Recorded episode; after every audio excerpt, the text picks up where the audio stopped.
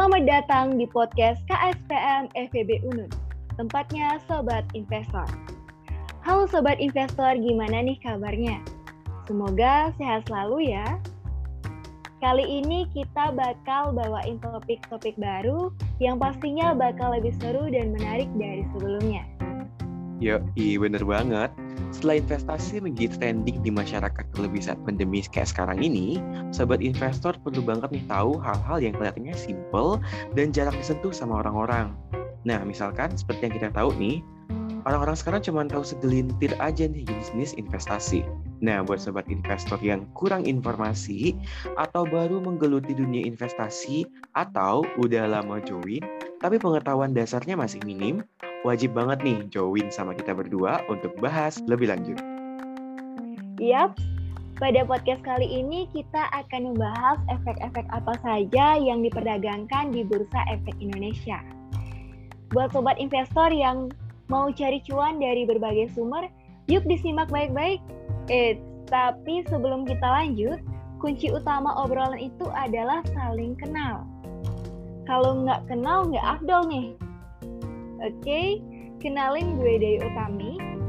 Dan gue Rick, yang kali ini bakal bagi-bagi informasi sama kalian sambil nemenin weekend kalian di podcast kali ini. Memulai perbincangan kita nih Rick. Gue yakin sih kalau sebagian besar sobat investor itu pasti sudah tahu kalau saham merupakan salah satu efek yang diperdagangkan di Bursa Efek Indonesia. Tapi selain saham, Menurut Lori, kira-kira sobat investor tahu nggak sih apalagi yang diperdagangkan di Bursa Efek Indonesia? ya iya ya, bener, bener juga nih. Jadi kebanyakan animo masyarakat pasti ya cuma saham doang kan? Perkara tahu pastinya efek apa aja yang ada, kayaknya sih masih ada aja deh yang belum tahu.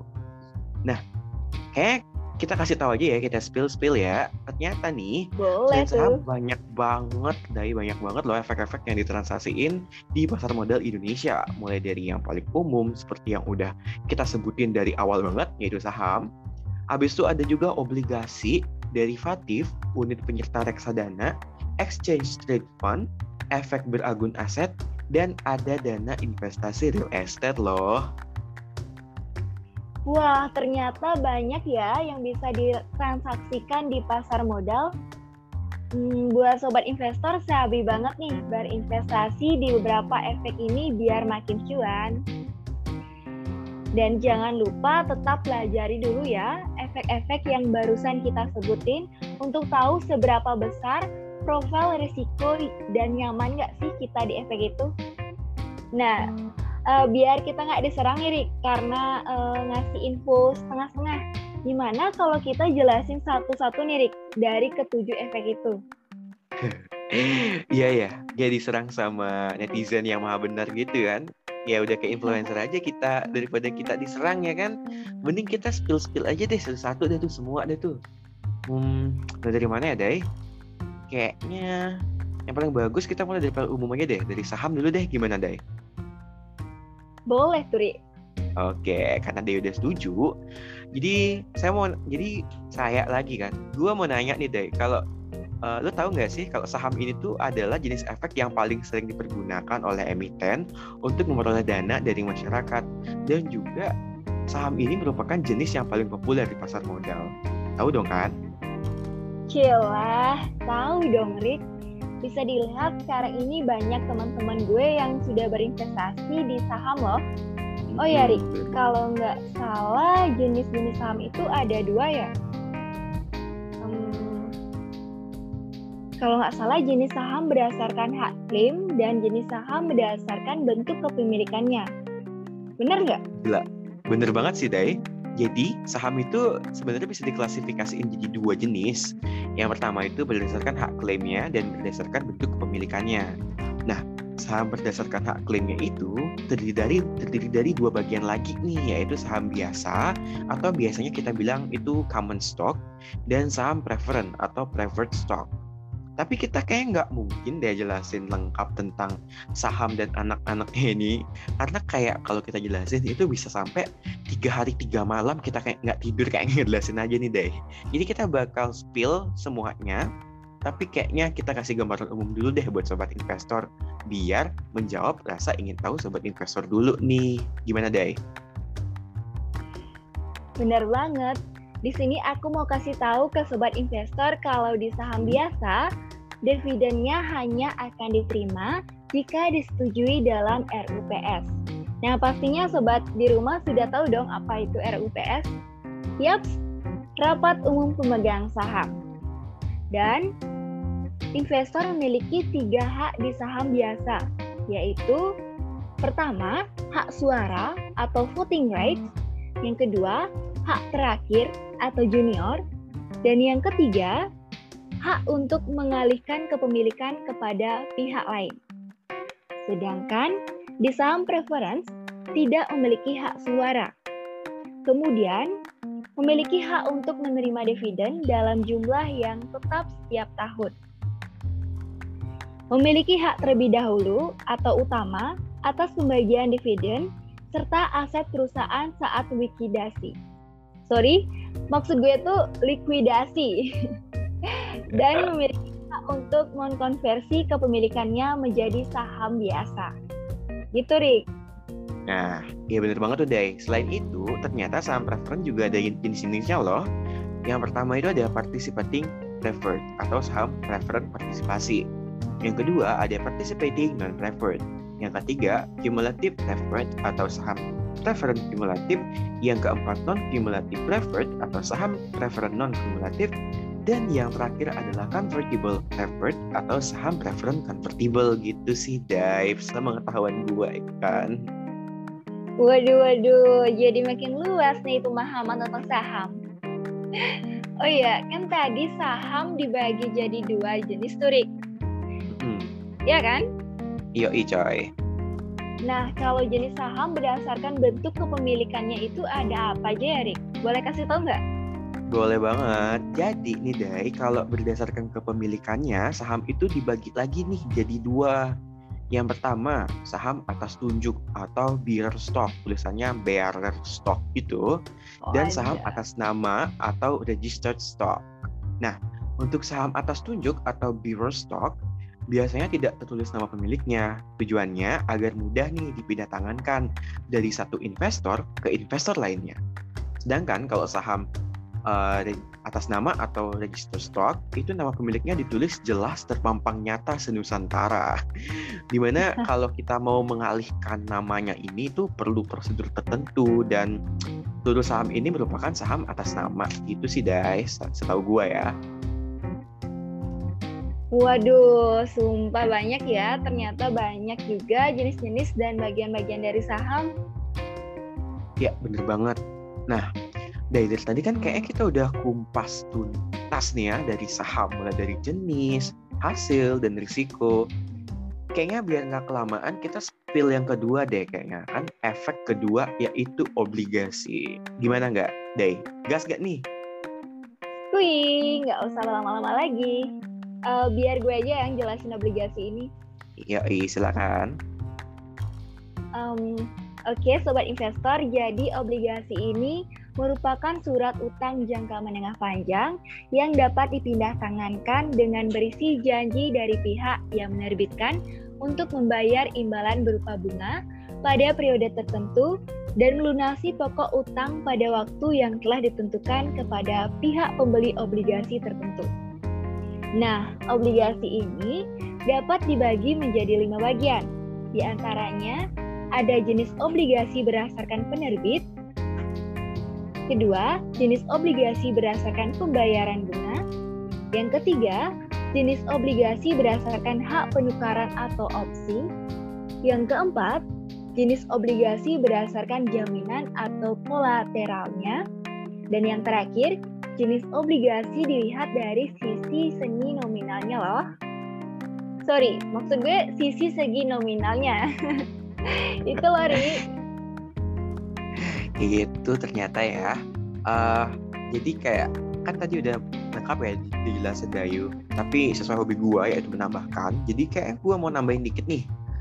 Uh, deh, tahu nggak sih ternyata ya jenis obligasi itu berdasarkan penerbitnya dibagi lagi jadi tiga, tahu nggak sih?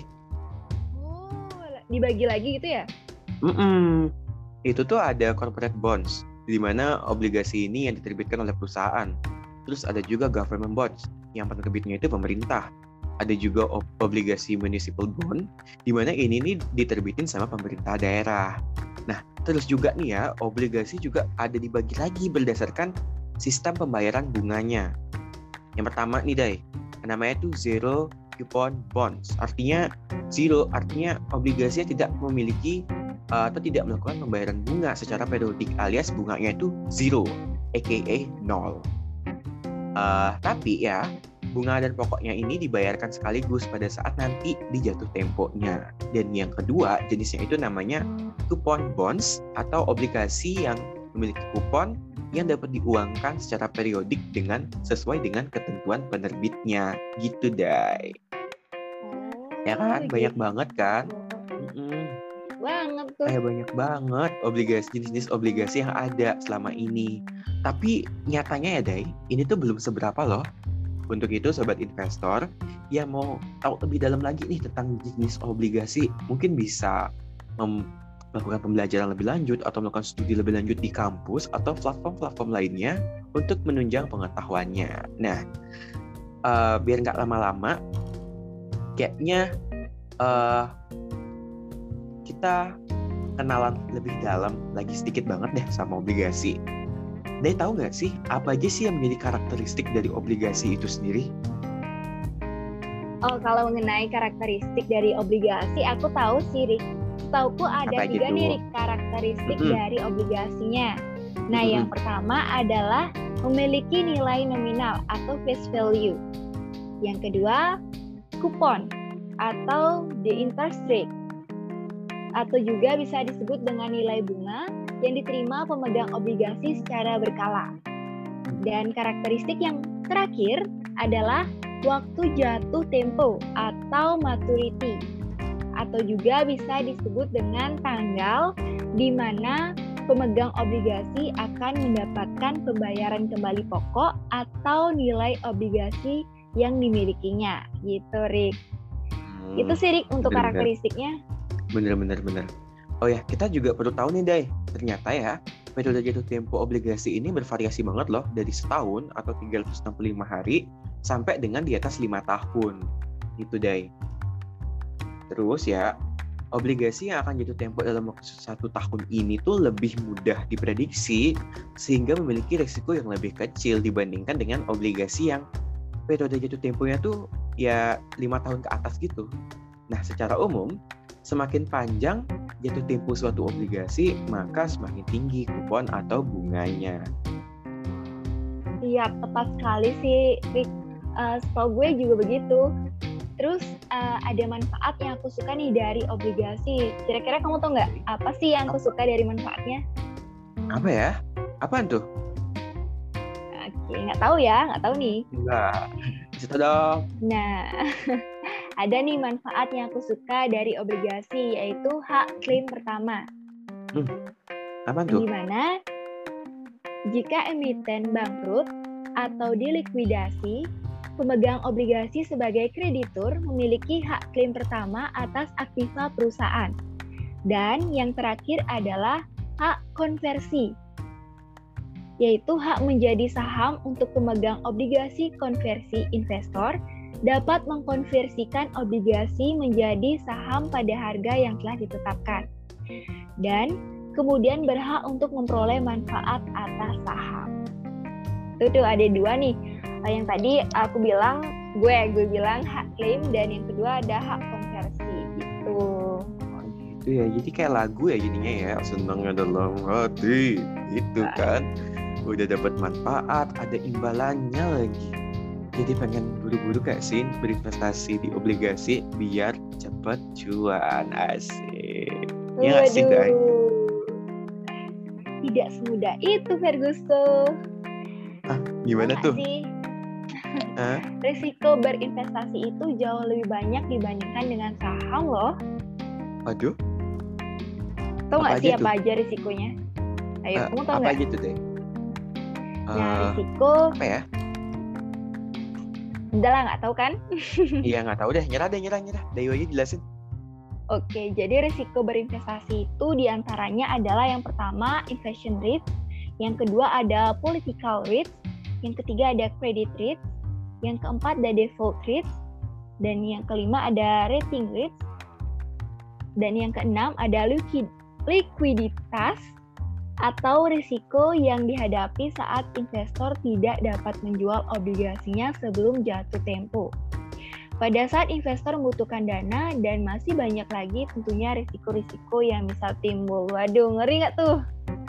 Ngeri banget. Kalau udah bicara soal risiko, ya pasti ngeri. Karena kan uh, high risk high return ya di investasi ya. Jadi kayak uh, risiko itu adalah suatu hal yang sangat penting banget buat kita perhatiin di investasi.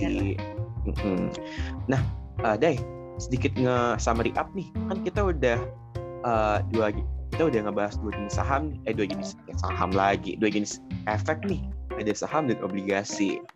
Selanjutnya kita bakal ngebahas soal reksadana. Nah, jadi ya, reksadana ini merupakan salah satu alternatif investasi bagi masyarakat pemodal, khususnya yang bermodal kecil dan yang nggak punya banyak waktu serta keahlian untuk menghitung risikonya tadi yang kamu bilang itu dari atas investasinya. Nah, Reksadana ini dirancang sebagai sarana untuk menghimpun dana dari masyarakat yang punya modal tadi atau yang punya keinginan untuk berinvestasi, tapi cuma punya waktu dan pengetahuan yang terbatas. Selain itu, reksadana juga diharapkan dapat meningkatkan peran pemodal lokal untuk berinvestasi di pasar modal Indonesia. Oh, aku pernah dengar nih, Rik, kalau reksadana perseorangan terbatas itu memiliki dua bentuk. Benar nggak? Perseroan mungkin deh. Perseroan oh iya, ya. perseroan ya. Iya, reksadana oh, iya, perseroan, iya. Iya. Uh, sorry, sorry. reksadana perseroan terbatas itu memiliki dua bentuk ya? Mm -hmm. Benar. Um, kalau nggak salah, uh, reksadana terbuka dan reksadana tertutup. 100, benar banget. Oke, okay, bener ya artinya. Uh, ya, terus resiko. Oke, okay. Risiko bagi pemegang saham ini adalah selain kemungkinan tidak ada dividend income dan capital gain, serta mungkin turunnya nilai aktiva bersih. Kalau reksadana tertutup, mungkin Erik bisa lengkapi nih. Bisa dong. Uh, nyambung ya, dikit dari penjelasannya Dayu. Uh, beda, agak beda sih ini sama reksadana terbuka di mana reksadana tertutup itu merupakan reksadana yang tidak dapat membeli kembali saham-saham yang telah dijual kepada pemodal. Dengan kata lain, pemegang saham tidak dapat menjual kembali sahamnya pada MI atau manajer investasi. Nah, keuntungan yang diperoleh investor itu sama aja sih kayak memegang saham, yaitu capital gain, dividen, dan juga saham bonus. Gitu deh. Waduh, jelas banget ya penjelasan hmm. dari Erik mengenai reksadana tertutup Nah, uh, buat sobat investor tetap stay dengerin ya karena masih ada lagi nih efek lain yang belum kita bahas. Kira-kira efek apa lagi nih yang mau kita bahas, Rick? Ayo kasih tahu sobat investor. Uh, tapi kayaknya sebelum uh, kita ngasih tahu, kayaknya aku mau ngingetin ke sobat investor di rumah sekalian, uh, bisa banget nih uh, obrolan kita hari ini jadi bahan catatan gitu kan, catat biar nggak lupa, biar ada manfaatnya lah kita uh, berbincang-bincang pada hari ini gitu deh ya nggak sih deh Bener banget, karena uh, catatan itu pasti diperlukan saat kita uh, lupa atau tidak pada saat terdesak begitu. Uh, biar uh, biar nggak cuman didengar terus hilang gitu materinya, gitu kan? Oh masuk kanan keluar kiri gitu ya? Benar, uh, gitu istilahnya. Oke nih deh, lanjut ya. Lanjut. Efek selanjutnya itu namanya ETF. Uh, jadi secara sederhana nih, ETF ini dapat diartikan sebagai reksadana yang diperdagangkan di, di bursa, di mana dia itu sama seperti reksadana konvensional. Uh, di mana ETF ini merupakan kontrak investasi kolektif yang perbedaannya itu terdapat pada unit penyertaan ETF tidak dicatatkan dan uh, eh maaf maksud gue dicatatkan dan diperdagangkan di bursa seperti saham. Selain itu, ETF juga mengenal satu pihak lagi yang memiliki peran penting dalam perdagangannya, yaitu market maker yang merupakan sebuah broker yang ditunjuk oleh MI atau manajer investasi untuk bertanggung jawab dalam menyediakan likuiditasnya ETF ini. Sehingga ETF bisa dibeli dengan harga dan jumlah yang diinginkan oleh pasar. Jadi gitu sih, Dai. Uh, emang agak salah-salah dikit sih, tapi ngerti kan lo maksud gue? Ngerti dong. Aduh, pokoknya gue no comment dah kalau udah penjelasan dari lo. Pasti sangat rinci dan jelas. Kalau yang satu ini udah lengkap banget dijelasin sama kamu kan? Nah, iya. lanjut ya, aku akan ngebahas mengenai real estate gitu. Mungkin banyak dari sobat investor yang kaget kalau ternyata real estate merupakan salah satu jenis efek atau nama efeknya dana investasi real estate atau juga dikenal sebagai real estate investment trust. Nah, ini merupakan salah satu sarana investasi baru yang secara hukum di Indonesia akan terbentuk melalui kontrak investasi estate atau dana investasi real estate. Diartikan sebagai kumpulan uang pemodal oleh perusahaan investasi dan akan diinvestasikan ke bentuk aset properti baik secara langsung seperti membeli gedung maupun tidak langsung dengan membeli saham atau obligasi perusahaan properti. Dana investasi real estate merupakan sebuah alternatif pendanaan real estate atau properti yang efisien. Selama ini, perusahaan properti di Indonesia masih menggunakan dana segar melalui skema APO atau Initial Initial Public Offering. Gitu. Oh gitu. Jadi uh, berarti real estate ini merupakan instrumen yang baru ya deh yang ada di Indonesia ya? Benar iya, benar kan? benar sekali. Terus apa sih bedanya dana investasi real estate ini sama efek-efek lainnya? Atau gini deh apa sih karakteristik dari dana investasi real estate-nya ini? Oke, karakteristik nih.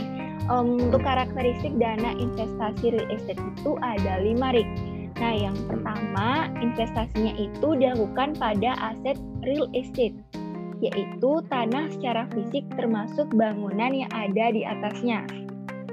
Memiliki pendapatan yang relatif stabil, aset yang berkaitan dengan real estate adalah efek perusahaan real estate yang tercatat di bursa efek atau diterbitkan oleh perusahaan real estate.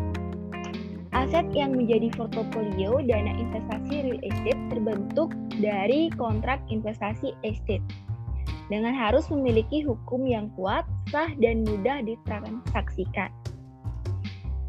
Bahkan seluruh atau sebagian besar pendapatan dengan minimal 90% dari laba bersih wajib didistribusikan kepada investor. Gitu, Rik. Hmm. Kok lu pinter banget sih, Dai? Sumpah. Kayak lu curang ya. Lu udah belajar ya sebelum podcast kan? Lu udah baca buku kan? Mah curang sih lu, sumpah deh. Aduh, kamu nyanjung dirimu sendiri gitu ya? Soalnya ya, uh, informasi yang tadi Dai kasih itu termasuk informasi yang hangat dan baru juga nih. Jadi aku pribadi baru tahu banget nih. Makasih ya, Dai. Oke, sama-sama. Gue juga nggak sengaja gitu kan baca eh. berita-berita terbaru dari Instagram gitu. Lumayan iya, kan nambah pengetahuan? Lumayan banget. Oke deh, uh, selanjutnya kayaknya kita bakal kasih tau sobat investor tentang salah satu lagi jenis saham. Eh saham lagi kan gue bilang. Jenis efek yaitu efek derivatif atau efek turunan dari efek utama utama baik yang bersifat penyertaan maupun utang. Nah, uh, kita spill dikit ya. Efek turunan ini tuh dapat berarti turunan langsung dari efek utama maupun turunan selanjutnya. Derivatif ini merupakan kontrak atau perjanjian yang nilai atau peluang keuntungannya terkait dengan kinerja aset lain. Di mana aset lain ini disebut sebagai underlying assets. Itu loh. Dan adapun nilai di masa mendatang dari objek yang diperdagangkan itu tuh sangat dipengaruhi oleh instrumen induknya yang ada di spot market. Nah, kalau instrumen derivatifnya, kira-kira Dewi bisa jelasin nggak uh, challenge saya sekarang deh aku uh, aku tantang ya buat ngejelasin bisa nggak Gila, lu bisa aja. Jawab ya tantangannya. Gas. Jadi, derivatif keuangan merupakan instrumen derivatif di mana variabel-variabel yang mendasarinya adalah instrumen-instrumen keuangan yang dapat berupa saham, obligasi, indeks saham, indeks obligasi, mata uang, tingkat suku bunga, dan instrumen-instrumen keuangan lainnya. Nah, instrumen-instrumen derivatif ini nih sering digunakan oleh para pelaku pasar para pelaku pasar itu terdiri dari pemodal dan perusahaan efek sebagai sarana untuk melakukan lindung nilai atas portofolio yang mereka miliki. Um, kita sering mendengar kata reg isu. Sebelumnya kamu pernah nggak dengar kata-kata itu? Uh, pernah sih, Dai. Kan akhir-akhir ini juga lagi trending banget nggak sih isu-isu apa sih reg issue gitu dari salah satu emiten gitu. Tapi kayaknya uh, kita tapi kan itu menarik banget ya. Tapi kalau kita bahas di sini sekalian kayaknya panjang banget nggak sih bakalan? Jadi kayaknya kita bahas di lain waktu aja yuk deh. Um, oke okay. tapi aku bahas sedikit jadi ya. Oh ya uh, boleh sih. jadi Reg isu ini dilakukan atas dasar persetujuan rapat umum pemegang saham atau RUPS. Setelah mendapatkan persetujuan, emiten harus menawarkan saham barunya tersebut kepada pemilik saham lama terlebih dahulu. Sesuai dengan proporsi kepemilikannya.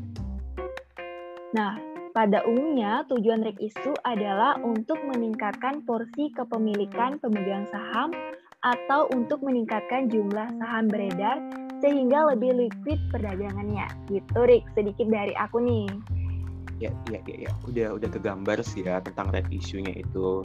Uh, makasih banget nih Day penjelasannya. Tapi kayaknya yang kalau studi case kayak apa ya kayak yang terjadi pada satu emiten yang lagi hits nih kayaknya kita janjiin ya sama sobat investor buat dibahas di uh, podcast podcast selanjutnya. Gimana nih Day setuju nggak?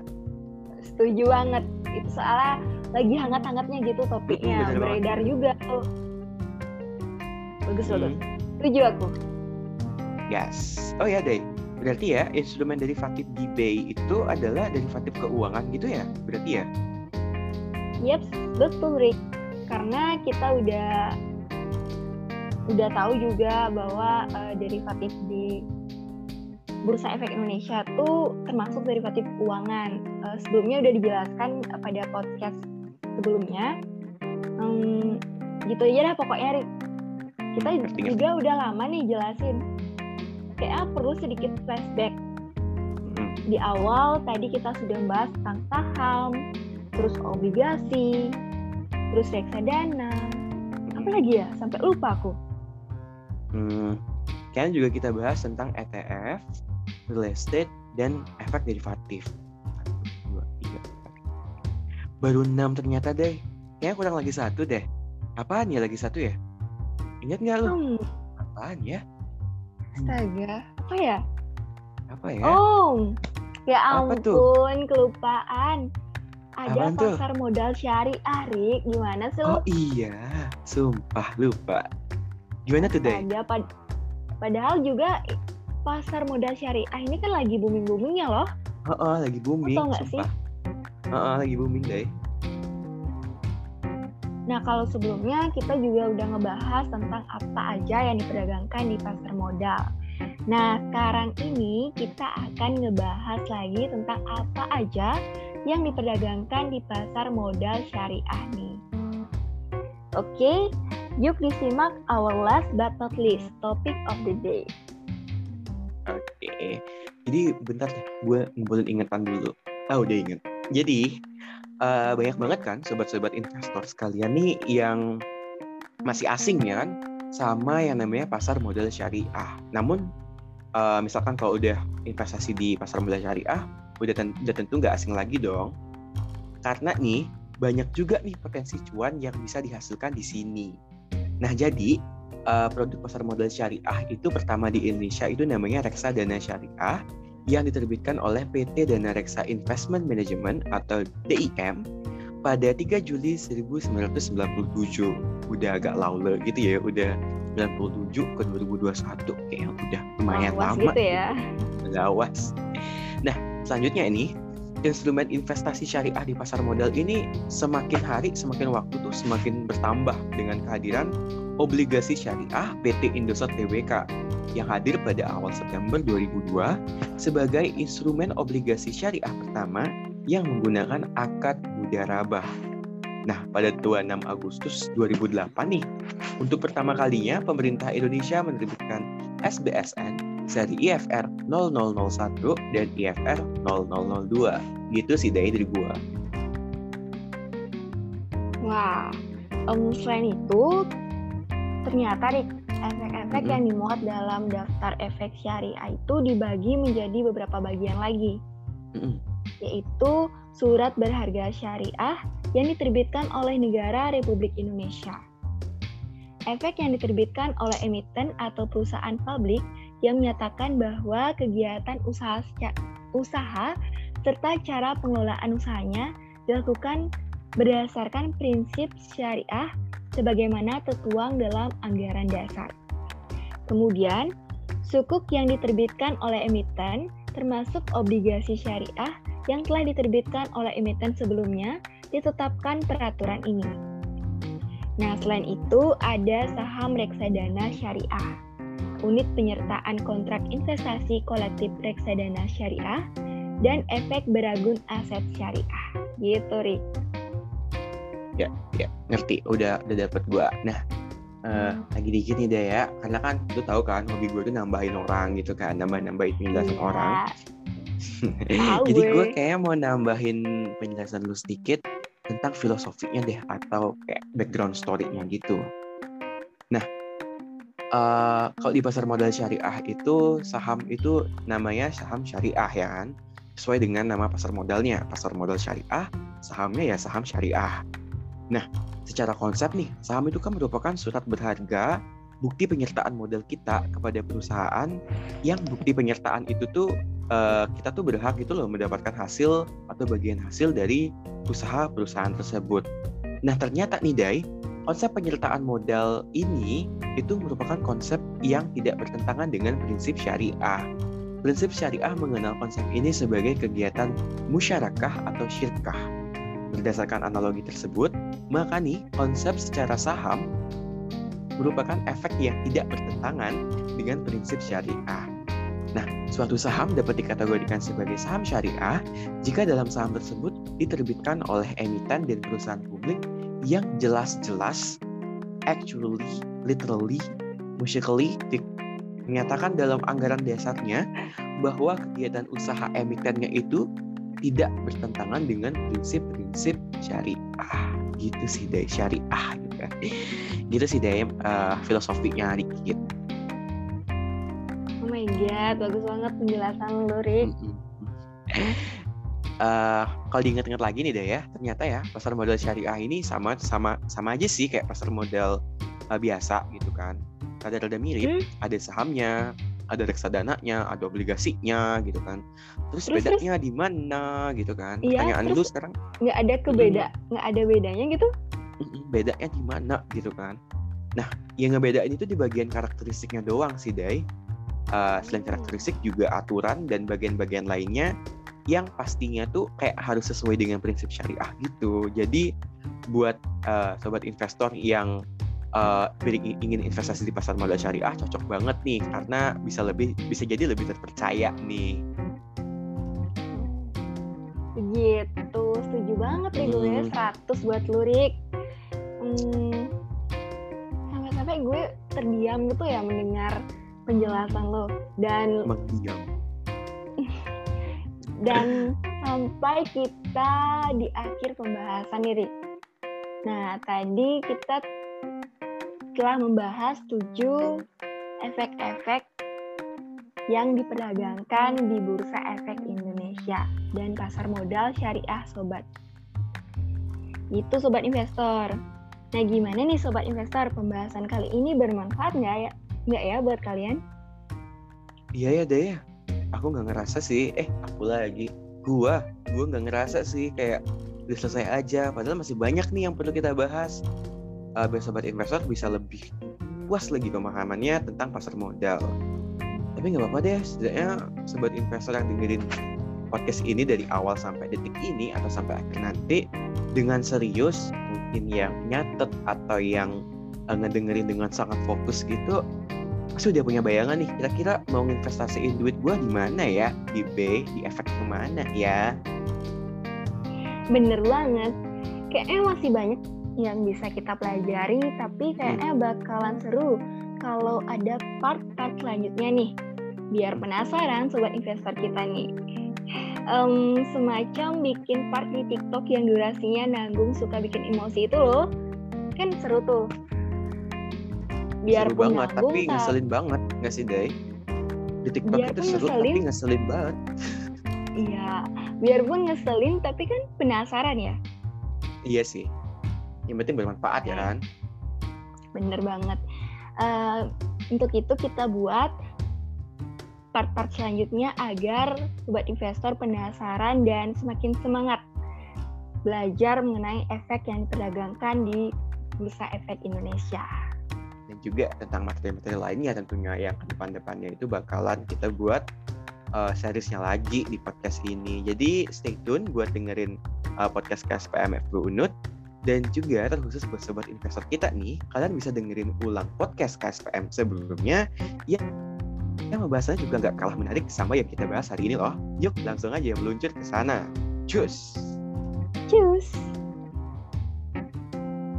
Oke. Buat kalian, sobat investor yang udah setia dengerin podcast KSPM dari awal sampai saat ini, tetap stay tune ya di podcast KSPM FEB Undun karena kita pastinya akan kembali dengan topik-topik yang lebih menarik yang tentunya bisa memperluas wawasan sobat investor sekalian di pasar modal siapa tahu bisa membantu permasalahan sobat investor semua tentang investasi, ya kan? Iya, betul, betul banget, Rick. Nah, buat sobat investor yang udah tahu nih mau investasi ke mana, tapi masih bingung mau buka rekening efek di mana, nggak usah khawatir, nggak usah risau.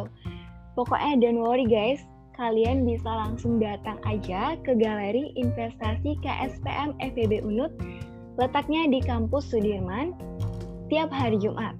Atau bisa juga nih, tanya-tanya dulu sama admin Instagram at kspmfbunut. Dijamin adminnya ramah dan bisa menjawab segala pertanyaan kalian. So, kita tunggu kehadiran sang milenial investor baru. Sampai jumpa di episode berikutnya. Salam cuan. Dadah. Dadah. Thank you.